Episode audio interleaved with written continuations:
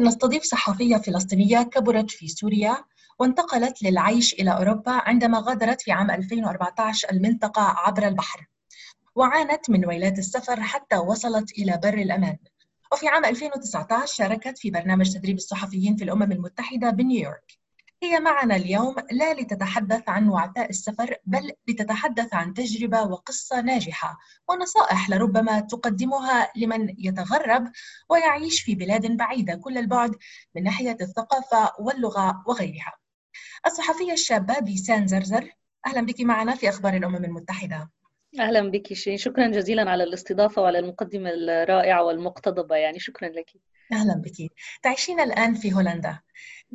ماذا تعلمت من الحياة هناك؟ وهل تعلمت اللغة؟ ولماذا اخترت هولندا بالتحديد؟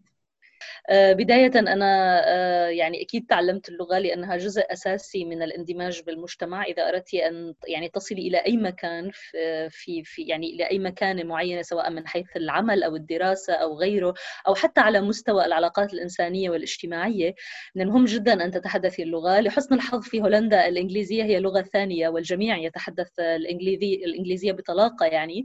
على الرغم من ذلك يبقى آه، هذه الدهشة التي لا تزال موجودة يعني أراها في عيون الهولنديين عندما أتحدث الهولندية أراها حتى الآن هي أيضا تقرب المسافات ومن شأنها أن تفتح للمتحدث بلغة البلد أبواب كثيرة جدا وفرص كثيرة لماذا اخترت هولندا؟ هولندا يعني آه، هي فكرة اللجوء كلها لم تكن اختيار هي كانت الخيار الوحيد آه، ولكن هولندا كانت من بين الدول طبعا أنا اخترتها لأني يعني قمت ببحث سريع كما أي لاجئ يعني يحاول أن يبحث عن أفضل مكان يمكنه من آه، آه، العيش بحرية اولا يعني أن تكوني حرة وأن تكوني نفسك كما انت. وسمعت كثيرا عن الحريات في هولندا وهي بلد معروفة جدا يعني على الأقل البروباغندا التي تقدمها للناس حول حول نفسها وحول سياستها وطريقة تعاملها أن الإنسان يجب أن يكون حر وأن تكون كما أنت بدون أي أحكام مسبقة.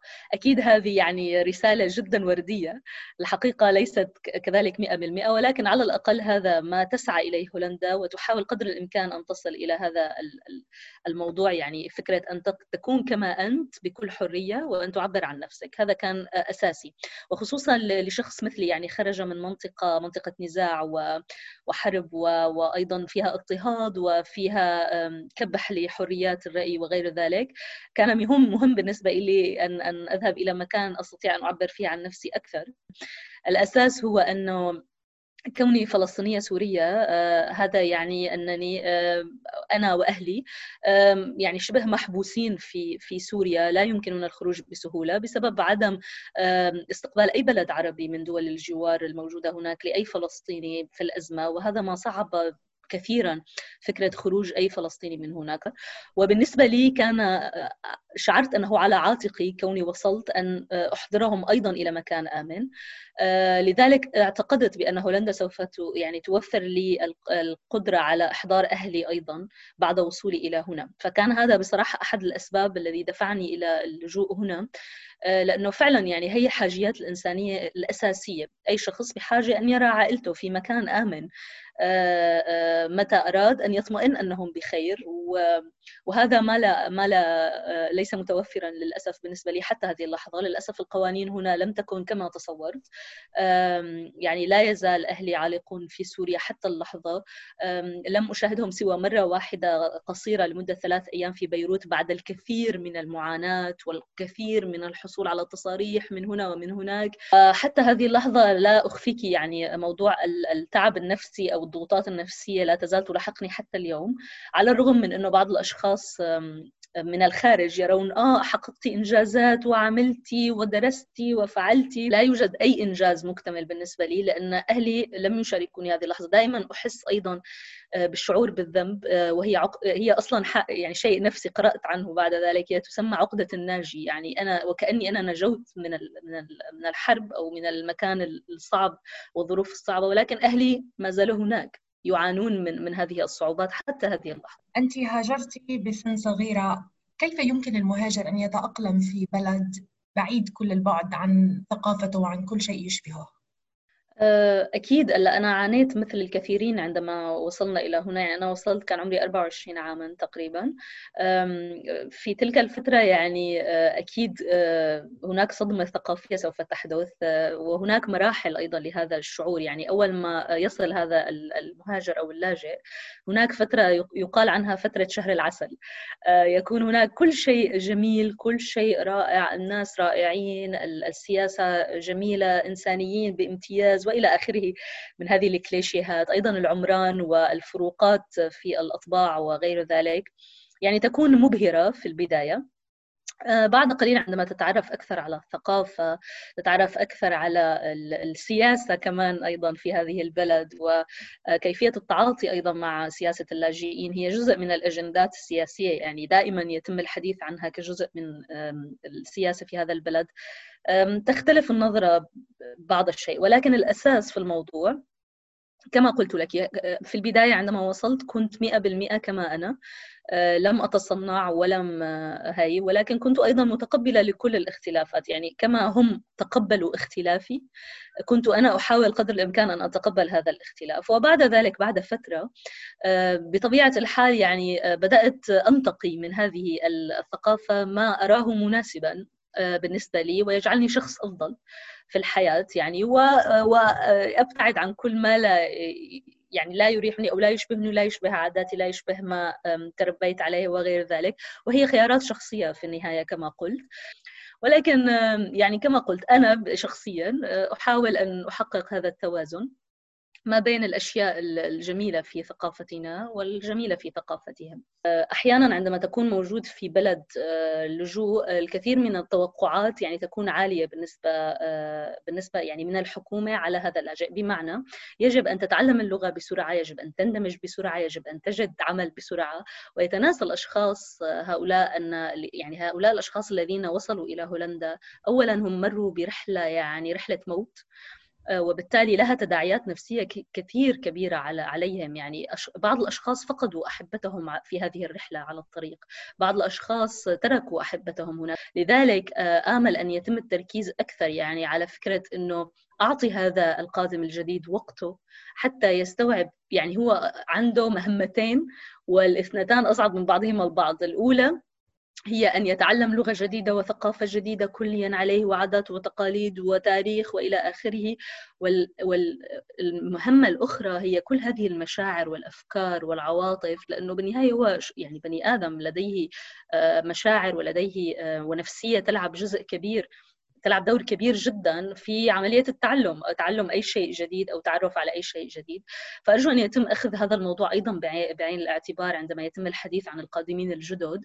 آه، لأنه بعض الأشخاص وخاصة من أحزاب اليمينية تتحدث كثيرا عن فكرة إنه ثلاث سنوات كثيرة لتعلم اللغة. يعني يجب أن تكون أقصر أو يجب على على القادم الجديد أن يتعلم مستويات أعلى من ذلك. يعني مهلا عليهم فهم أصلا عانوا من الحرب وعانوا من اللجوء وعانوا على رحلة اللجوء فيجب أن يعني أن يعني رفقا بهؤلاء آه، في السياسات التي توضع للاندماج. نعم. إذن محنة المهاجر لا تنتهي فقط بوصوله إلى بر الأمان، تحديات لا. كثيرة. لا لا طبعا آسفة قاطعتك لا لا بأس لكن كيف يعني تفاقم أزمة كوفيد 19 من محنة المهاجر الآن؟ آه يعني هذا سؤال فعلا على الوجع مثل ما بيقولوا لأنه المهاجر عندما يأتي إلى هنا مجتمع جديد كليا 100% لا يوجد لديك أي علاقات اجتماعية أي أشخاص حولك يعني فأنت شخص فعلا وحيد بكل ما للكلمة من معنى حتى لو كان حولك بعض المعارف والأشخاص. مع الوقت الحمد لله تتمكن من بناء هذه العلاقات الاجتماعية رويدا رويدا. وهذا عن طريق الأنشطة الاجتماعية. يعني الأنشطة الاجتماعية أقصد بها مثلا خلينا نفترض حتى في العمل أو أو في الدراسة أو حتى في الحفلات أو المناسبات الثقافية والاجتماعية. تتكون هذه الصداقات والعلاقات التي يمكن في في كثير من الأحيان أن تخرج هذا الشخص أو هذا اللاجئ الجديد يعني من وحدته من من هذا العالم الجديد تعرفه على عوالم أخرى تساعده أيضا على مشاركة أفكاره وآرائه حول هذا المجتمع الجديد الذي يوجد فيه. ولكن للأسف يعني مع آه، مع هذه المحنة مع كوفيد 19 أثر بشكل كبير لأنه الوحدة زادت ليس فقط يعني من يعني أصلا اللاجئ هو شخص وحيد فما بالك بعد هذه الأزمة؟ يعني فاقمت من من هذا الموضوع. آه، وهذا شيء يعني مؤسف جدا لأنه يزيد من حالة التفكير بالأهل أكثر. هناك وخاصة يعني في مثل حالتي. هذا يجعلك أكثر تنطوي على يعني فقط الأفكار السلبية التي تلاحقك تبدأ بالتفكير أكثر بالشعور بالذنب يعني على الأقل أنت محجور ولديك الماء والكهرباء والطعام الشراب الكافي وإلى آخره. أما هم فمحجورون وليس لديهم هذه الأشياء وإلى آخره من هذه الأفكار السلبية التي يعني تسيطر على أفكار اللاجئ. إضافة إلى ذلك هذا من الناحية النفسية، هناك أيضا ناحية مادية لا يجب أن لا نغفلها. عدد كبير من اللاجئين ممن بدأوا حياتهم المهنية وبدأوا بالحصول على وظائف اضطروا إلى الجلوس في المنزل وأحيانا تم الاستغناء عنهم يعني. أيضا ربما الأشخاص الذين لم يتوظفوا بعد بات من المستحيل بمكان يعني ان ان أن يحصلوا على هذه الوظيفة أو باتت فرصهم ضعيفة جدا وهذا يضاف إلى قائمة طويلة. ذكرت أنا يعني اثنين من المشاكل التي يمكن ان أن آه، تأتي على على أثر هذه الأزمة ولكن هناك الكثير والكثير من المشاكل طبعا. إذا أنت نشيطة أيضا على مواقع التواصل الاجتماعي تقدمين آه، تعرضين فيديوهات مقاطع تقدمين نصائح. خبرينا أكثر عن هذه التجربة. مؤخرا بدأت بدأت أنتبه لمواقع التواصل الاجتماعي كصحفية أيضا. يعني أرى أنه من المهم أن يعني دائما نتحدث عن موضوعية الإعلام وحيادية الإعلام. وهو شيء غير موجود ونحن نعرفه يعني درسناه أنه دائما هناك سياسة أو أجندة معينة. آه، وبدأت أرى في وسائل التواصل الاجتماعي مثل منفذ آه، أو أو منصة آه، لي كصحفية للتعبير عن أفكاري أنا فعلا بدون أي آه، أجندة غير أجندتي أنا الخاصة أو أفكاري أنا. وبالنهاية أنا ما أشاركه أشياء أدبية ثقافية معرفية أكثر هي أشياء أحبها وبنفس الوقت أرى أن فيها فائدة يعني. فلم لا؟ وبدأ التفاعل على خاصة على إنستغرام يزيد كثيرا وهو ما شجعني على المضي قدما بهذا بهذا النشاط. آه، كما قلت يعني هي حتى الآن تجارب بسيطة جدا. أنا لست يعني متخصصة في المونتاج والميكساج وإلى آخره ولكن أتعلم أيضا.